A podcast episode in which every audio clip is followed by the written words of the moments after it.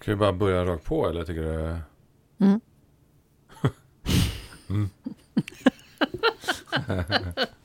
eh, mm. eh, Okej. Är det på eller? Mm. Jävlar. Okej. Du,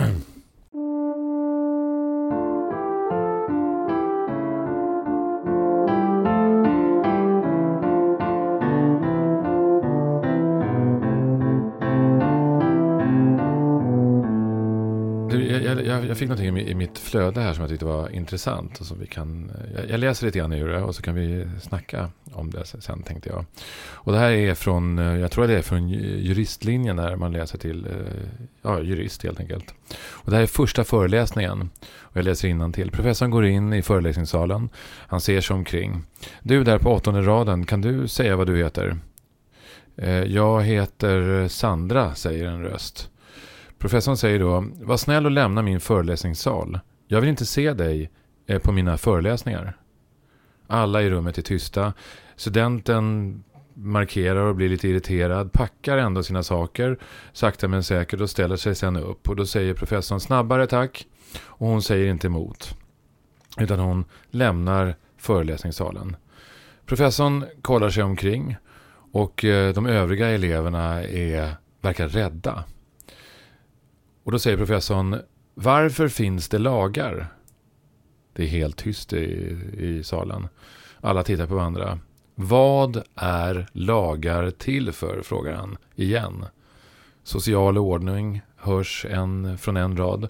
En annan student säger för att värna en persons personliga rättigheter. En annan säger så att man kan förlita sig på staten. Och professorn är inte nöjd. Rättvisa, ropar en student. Professorn ler. Hon har nu hans uppmärksamhet. Tack så mycket eh, för de orden. Uppförde jag mig orättvist mot din klasskamrat här tidigare? Alla i salen nickar. Ja, det gjorde jag verkligen. Varför protesterade ingen? Varför försökte ingen av er stoppa mig? Varför ville ni inte förhindra denna orättvisa? Frågar han. Inget svar.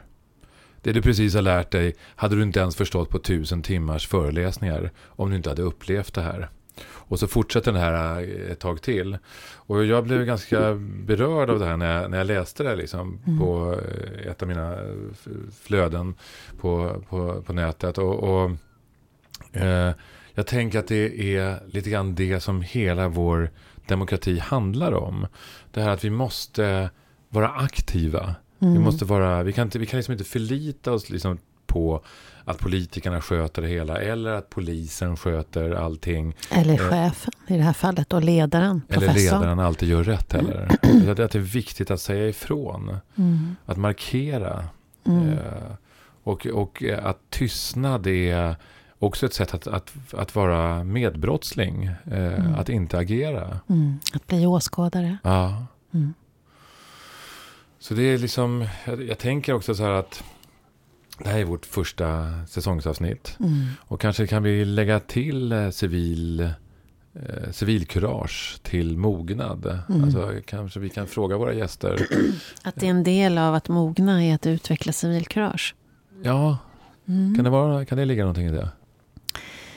Jag tror framförallt, när jag tänker efter så tror jag framförallt att det handlar om att bli medveten i vad som hindrar mig från att visa civilkurage.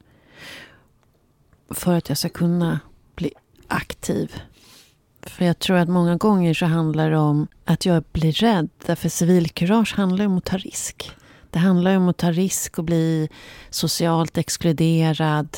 Jag tänker i den där berättelsen att varför man inte sträcker upp handen och säger vad håller du på med? Klart Sandra ska vara kvar här i rummet. Mm, handlar om att man är rädd att också bli utskickad och avvisad.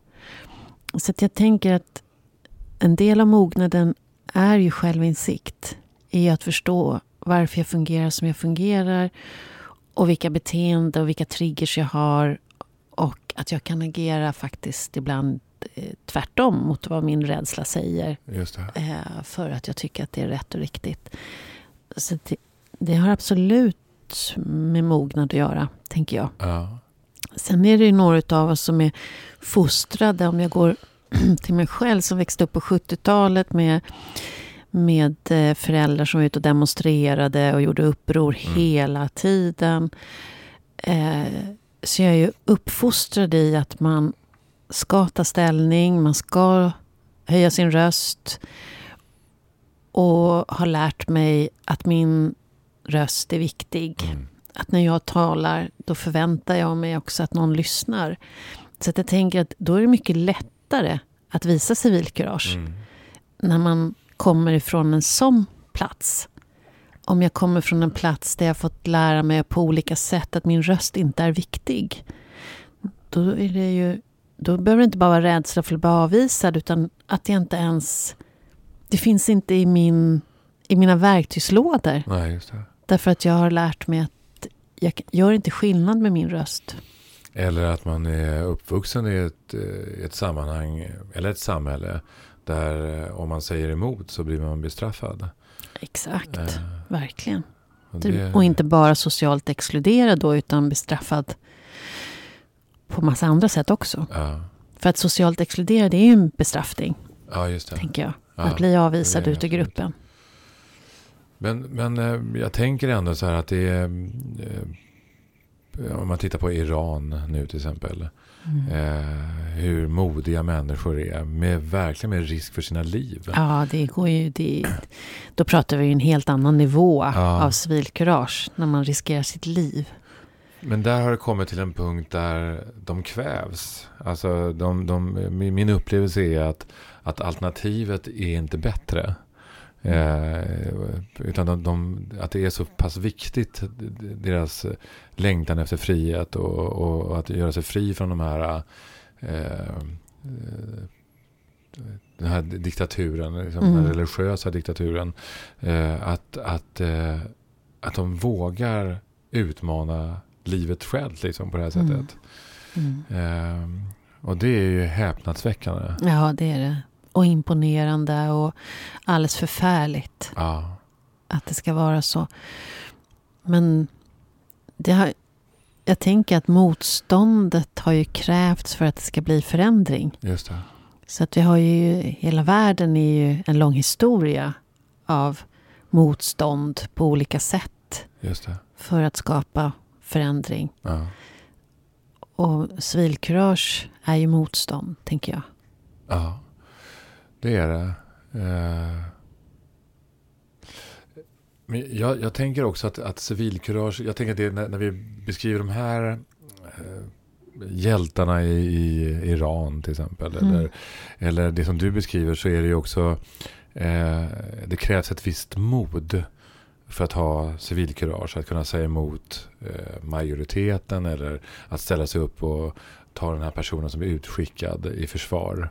Ja, jag tänker att det är inte civilkurage. Det är någonting annat om det inte är, om det inte är mod. Okay. Eftersom för mig är civilkurage risk, att ta risk. Ja. Annars handlar det om andra saker. Så att jag håller med, det krävs mod. Just det. Men, men, vad jag är ute efter lite grann är också att, att jag tänker att eh, beroende på vilket sorts samhälle jag vill ha mm. så kan jag eh, ha ett visst mått av civilkurage dagligdags. Att det finns någonting i hur jag agerar också eh, i mindre sammanhang. Alltså det, jag tänker på att eh, det behöver inte vara ett hjältedåd för att det ska kunna vara en akt som är en del av ett civilkurage. Eh. Inte hjältedåd, men, men det är ändå ett starkt ställningstagande. Det är stopp någonstans. Det är man, man tar ställning emot någonting. Ja. Man, det är inte bara att vara hjälpsam, tänker jag. Utan du... Jag tänker på... Uh, nu, det som kommer till mig nu är, är min sons före detta flickvän som fick eh, ett pris faktiskt. När hon åker på bussen på väg hem från skolan. Eller hem från skolan. Och eh, hon hör, det är vinter, hon hör genom när, när bussen stannar att det är en flicka som blir utsatt. En liten sju, åttaåring. Eh, det står några, ett gäng killar i 15-årsåldern och kastar snö på henne och kallar henne för olika saker. Mm. Och det står ett helt gäng i kö på bussen, utanför bussen. Och de står då och retar den här flickan lite längre ner i backen. Och eh, den här tjejen då, hon blir ju skogstokig så hon skriker till busschauffören att stanna nu. Eh, och kastar sig ut genom eh, bussens dörrar och kastar sig ner till den här flickan och ställer sig mellan flickan och pojkarna och skriker åt dem att sluta, ni skadar ju henne. Varav den här tjejen då, hon är rätt liten och späd. Mm. så även om hon var äldre än de här 15-åringen, hon var väl kanske 17-18 då, eh, så var hon ungefär samma storlek. Eh, så de här pojkarna, de, de gick ihop och gick emot henne. Men det de inte visste, det var ju att den här tjejen hade, hade svart bälte i karate. Mm. Så hon sparkar till där i luften. Mm. Varav en kille då blir lite träffad i huvudet. Så han rullar runt i kullerbyttor ner för backen och sen springer hela gänget. Eh, och så, så går hon, tröstar hon den här flickan och så går hon upp och skäller ut de här vuxna som står i busskuren och som inte gör någonting. Mm. Eh, och jag tänker att civilkurage är precis det där. Mm. Att agera i nuet. Att agera mot när andra blir utsatta eller ja, men man står upp för en värdering, man står upp för andra, man står upp för den som inte kan försvara sig. Mm. Så tänker jag att det är. Mm. Jo, det, jag håller med dig om att det, det är det som är civilkurage. Men jag tänker också att, att det finns ett visst mått av civilkurage att stoppa trafiken när farbrorn med rullator inte hinner över gatan. Det är inte bara empati utan det är också ett motstånd liksom mot att, att ska det verkligen vara på det här sättet. Eh, det är kanske inget hjältedåd men det är ändå ett mått av civilkurage tänker jag. För att jag, jag visar på att men så här ska vi inte ha det. Liksom. Våra äldre måste hinna över för skjutsningen. Hur kan det slå över så här fort att, att, att, att någon inte ens hinner över gatan? Eh, och det är klart att det finns massor med parametrar där. Om han började för sent och sådana saker. Men eh, oavsett det så, mm. så tycker jag att det finns, det finns eh, mindre... Det här, det som du beskriver här är ju ändå det är ju ändå ett hjältedåd hon gjorde. Mm. Eh, och hon hade också karaten i, i, i ryggsäcken, liksom, mm. eller i sin kropp. Mm. Eh, vilket nog gjorde att hon hade ett, ett eh, bra självförtroende att gå in i sådana sammanhang. Mm. Eh, men ändå, eh, det var ju fantastiskt. Och, och jag, jag, tänker också att, att hur viktigt det är att agera just för om den stora massan inte säger ifrån, som den här mm. gänget vid busshållplatsen, mm. att det är Ja, det, det, blir ju liksom sedelärande liksom det här. Mm. Eh, men det är så jag tror att vi måste, att det är viktigt. Att, jag tror att så fort vi tror att, att vi har, att vi har ett, ett, ett fungerande samhälle där vi inte måste, där vi inte måste ta ansvar. Helt, ta ansvar. Mm. Det är då vi hamnar i de här situationerna. Och det är då vi också hamnar så småningom i, i totalitärt tänkande. Mm. Eh, och jag, enligt mig då så har, lever vi just nu i en tid där det blåser rätt snålt eh, och farligt. Eh, och där, där just det, hur viktigt det är att säga ifrån. Mm. Eh, det finns ju någon, en, ett klipp nu som har blivit viralt med Otto Drakenberg. Just det, eh, från Svenska fäktningsförbundet. Va? Ja, precis. Ja. Det är fantastiskt. Ska vi lyssna lite på det? Det kan vi göra. Welcome will LGBTQ fencers be? What restrictions? What rest?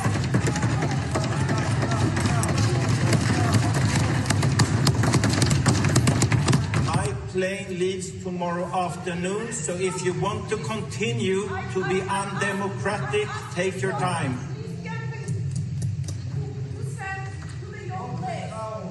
What restrict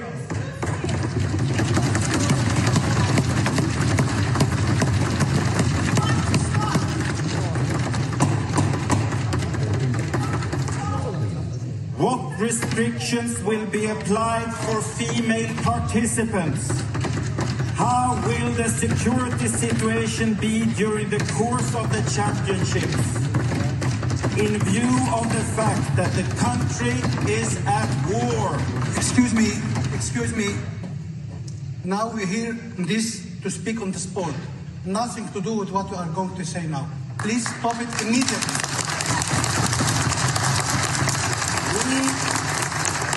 Mr. President, please. The Swede, He should stop immediately. no, you should know who you're talking to, Mr. Mann. Then you would not say that to me, because I will never refrain from speaking my word in a democratic world. We in the Swedish Federation. Mr. President, yes. We in the urge the Congress not to take a decision before the questions I just raised are answered.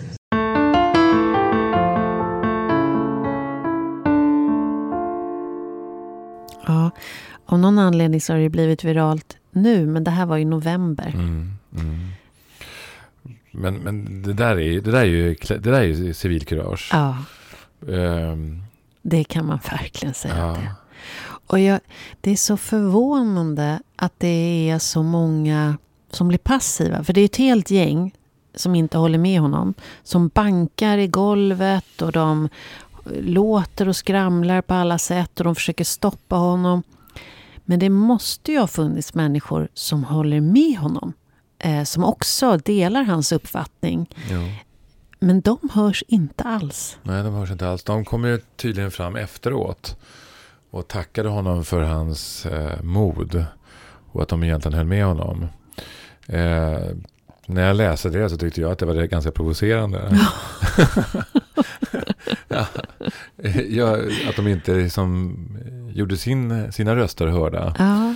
Eh, Men ändå är det där så otroligt vanligt. Har man inte hört många berättelser där människor, till exempel på arbetsplatser, man har kommit överens om Jo. att det här är inte bra, det här måste vi ta upp med ledningen eller chefen.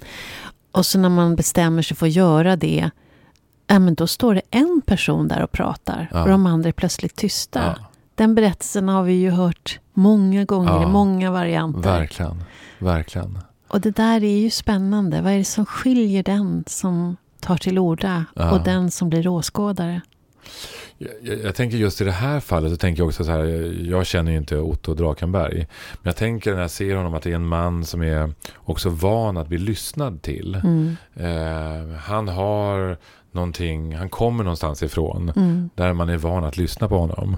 Mm. Eh, och det gör eh, sitt till saken tycker jag. Ja, det, han Eh. utstrålar det i hela han. Ja, just det. Ja, Eh, han, han, vet vad skåpet ska stå Ah. och han vet vad han är värd. ja. Eh, och, eh, Att han kan kräva att hans ord är viktiga. Ja. Hans röst är viktig. ja, Men jag blev också fascinerad för nu, precis nu i dagarna så har man ju eh, skickat in en visselblåsar just det. Just ja, det. angående det här eh, till nationella fäktningsförbundet, är det så?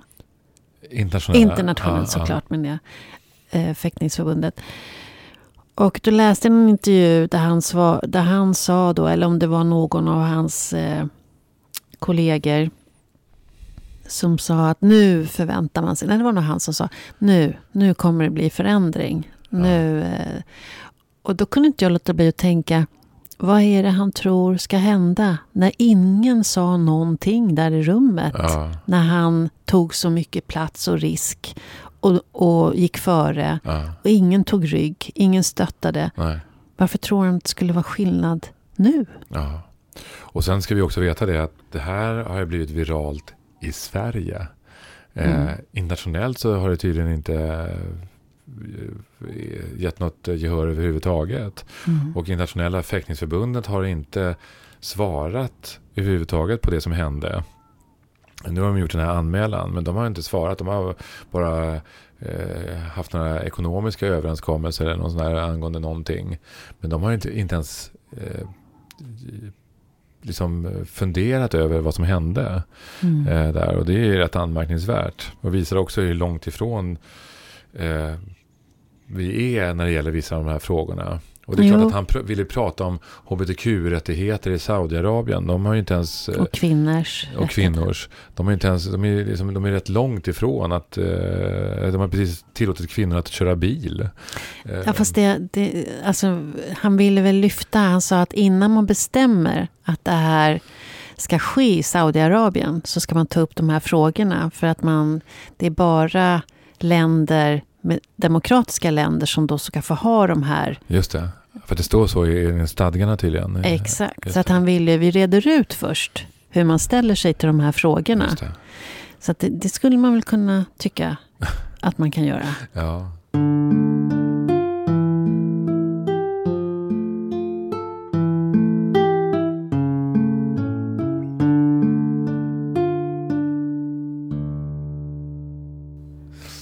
Men de där sakerna är hotfulla och eh, eh, kan nog vara rätt skrämmande också. Mm. För, eh, Men det är intressant ändå att, att ja, nu kanske jag låter pessimistisk, men, men att han tror att den här visselblåsaranmälan då skulle kunna göra så stor skillnad. Jag tänker att eh, det ska nog mycket till innan man vågar agera, när man inte ens vågar säga något där i rummet. mm. Men det ska bli väldigt intressant att följa och se vad det blir för efterspel på Ja. detta. Jag, jag, jag, drar mig till minnes nu att jag eh, jobbar med en person som mm, är pilot. Mm. Och eh, inom eh, pilotkåren eller vad man nu kallar det för. Alltså, eh, där eh, är, är det så att om du inte anmäler en, en eh, orättvisa eller visselblåsarsituation eh, så är du, blir du ansvarig. Alltså det är tvärtom. Alltså de avkräver att, att det ska vara på det sättet därför att det är så mycket så, Om det har gjorts såklart- något fel då som man inte, alltså säkerheten och så, Ja, att man det, inte precis. tappar Ja. mellan stolarna. Ja. Och det är rätt intressant till exempel en annan situation, alltså till skillnad mot eh, inom sjukvården, eh, de här Lex Maria och de här, att det, att det har ju krävts rätt mycket för att eh, undersköterskor ska våga anmäla en läkare Mm. till exempel som har agerat fel. Men de där grejerna är ju väldigt viktiga. Ja, ur ett demokratiskt perspektiv Ja. otroligt viktiga. ur ur ett säkerhetsperspektiv. Ja. Just flyget blir ju väldigt intressant i och med att vi är så utsatta när vi flyger. Ja. Eh, Men, men, eh, Man vill ju gärna att det inte är en berusad pilot. Eller, eller hur? ja, det, det skulle kännas jobbigt. Ja. Jag, jag kommer ihåg, alltså jag, jag tänker så här lite grann också för att när det gäller idag så tycker jag att det är, det är oroligt att ha tonårsbarn. Mm. Eh, jag tycker att det är så mycket våld. Mm. Och det är mycket våld eh, även där människor som inte är involverade direkt i ett våldssammanhang som blir drabbade liksom, eh, Mm. av det hela. Och, och ehm, eh, jag vill ju fostra mina barn att va, ha civilkurage. Mm. Och samtidigt vill jag ju inte att de ska utsätta sig för situationer där det är fara för deras, eh, deras liv eller deras hälsa. Eh, och det, det tänker jag att det är viktigt att agera. Men man måste inte agera alltid i en våldsam situation. Utan man kan, det finns andra sätt att, att, att visa civ- civilkurage. Man kan skrika, man kan springa iväg och ringa polisen. Ring man kan, 112. ja, precis. Men jag tror att det är, eller i alla fall har det varit så för mig som mamma, att det har varit jätteviktigt att, att både bemyndiga mina barn genom att, att förvänta mig att de ska agera i Ja. situationer som uppstår, oavsett om det är på skolan eller med vänner. Eller, och samtidigt naturligtvis ha en risk, försöka ha en, göra någon riskbedömning. Ja. Självklart. Men är jag är väldigt svårt för åskådartypen. Ja. Jag, jag, jag kan bli väldigt provocerad av det. Även om jag har stor förståelse rent känslomässigt. Att, att man inte vågar, att det är läskigt, att, det är, att man känner sig utsatt och sårbar. Jag har stor förståelse. Jag har Mm. säkert varit där många gånger i livet. Men, men samtidigt så... Är jag tycker man, man har en skyldighet Det tycker Eh, jag också. som människa och som en del av, det är liksom en del av samhällskontraktet. Mm, mm. Att jag behöver vara aktiv samhällsmedborgare.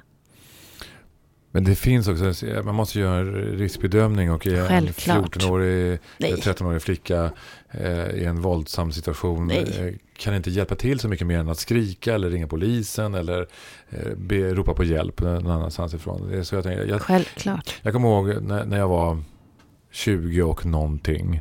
Eh, så satt jag på tunnelbanan och så kom det in en etiopisk familj. Och eh, så var det ett gäng eh, karar var det liksom. Mm. Eh, fyra stycken som satte igång med den värsta rasistiska mobbningen av den här familjen. Eh, och de var en bit ifrån och ingen reagerade och slutligen så eh, gick topplocket på mig, på mig liksom, och jag blev jättearg. Va? Och eh, skrek på de här, vilket resulterade i att de fick ju precis vad de ville. Va? Eh, familjen var ju rädd och de skyddade sina barn. Det var fyra barn och en mamma och en pappa. Eh, men när jag då satte igång och eh, gasta gastade på dem så vände sig de här fyra killarna, eller männen var det, och började veva mot mig.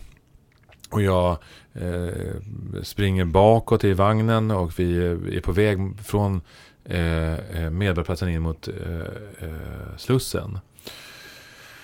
Ehm, och det var, det var ju länge sedan, där, de gamla vagnarna med såna här, såna här rutor precis vid, vid, vid, en, vid en av eh, sista, vid, dörrarna. Så jag hoppade över eh, ett säte och över där och skrapade mig rätt ordentligt innan, när dörrarna öppnade sig. Och precis när jag kommer ut genom dörren så får jag ett ordentligt slag i bakhuvudet. Och jag Åh, har ju faktiskt, faktiskt fortfarande ett litet jack här va? I huvudet. Eh, och när jag vänder mig om eh, helt eh, stasad av adrenalin va? Eh, så står en av de här männen med en kniv i handen. Och tack och lov så hade han ju slagit mig med, med skaftet, inte med kniven. För då hade han ju förmodligen inte suttit här. Liksom. Och samtidigt då så hade den familjen kunnat ta sig ut eh, på, på, vid sitt dörrpar. Eh, ja, det, det, det, var, det var inte...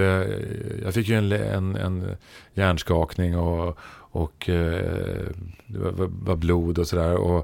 Ehm, eh, men, och jag är tacksam för att det inte blev, var värre. Men jag är också rätt nöjd att jag gjorde det. Mm. Eh, det är jag. Mm. Eh, och, och familjen var ju i, i upplösning. Mm. Men sen är det ju, det tar ju inte slut där. För sen ska man ju ringa till polisen och sen måste man ju stoppa de här männen. Eh, och sen ska det vara rättegång och sånt. Det är ju rätt mycket grejer som när sådana, sådana saker sker. Mm. Eh, ja. Men- Jag minns när, när, eh, när jag var ung. Mm, Man var ensam tjej på tunnelbanan och åkte hem på nattåget. eller vad det hette på den tiden. Eh, så var det inte ovanligt att det var lite överförfriskade unga män som var Mm. lite framfusiga och sådär. Och det var lite läskigt. då, då var det ju mer än en gång som det kom då en man och nästan alltid såg det ut som i alla fall att ha utländsk bakgrund och som bara satte sig bredvid mig och bara satt där. mm. Gjorde ingenting, sa ingenting, utan bara markerade. Han satt där. Och så backade de här killarna. Och det var alltid utländsk ah, utseende ah. på de här killarna eller äldre männen som bara slog sig ner. Som, var, som satte sig ner och försvarade dig. Mm. Ja. ja, det är intressant. Det, är faktiskt, det pratade vi ofta om, mm, jag och mina tjejkompisar, att vi var flera som hade samma erfarenhet. Ja.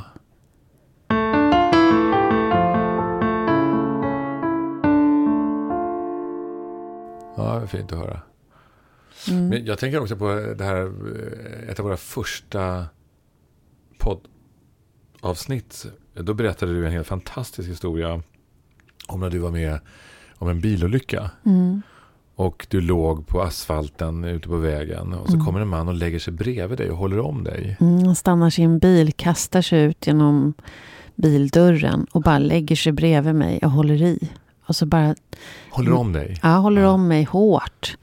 Och eh, hela tiden säger han i mitt öra, det kommer gå bra. Ambulansen är på väg. Det kommer att gå bra. Och jag blev jätteprovocerad. Vad fan lägger du bredvid mig för? Bort från min kropp. Aha. Men var inte förmögen att röra mig eller gå därifrån. Men efter en liten... Jag var ju såklart så adrenalinpåslag Chockad.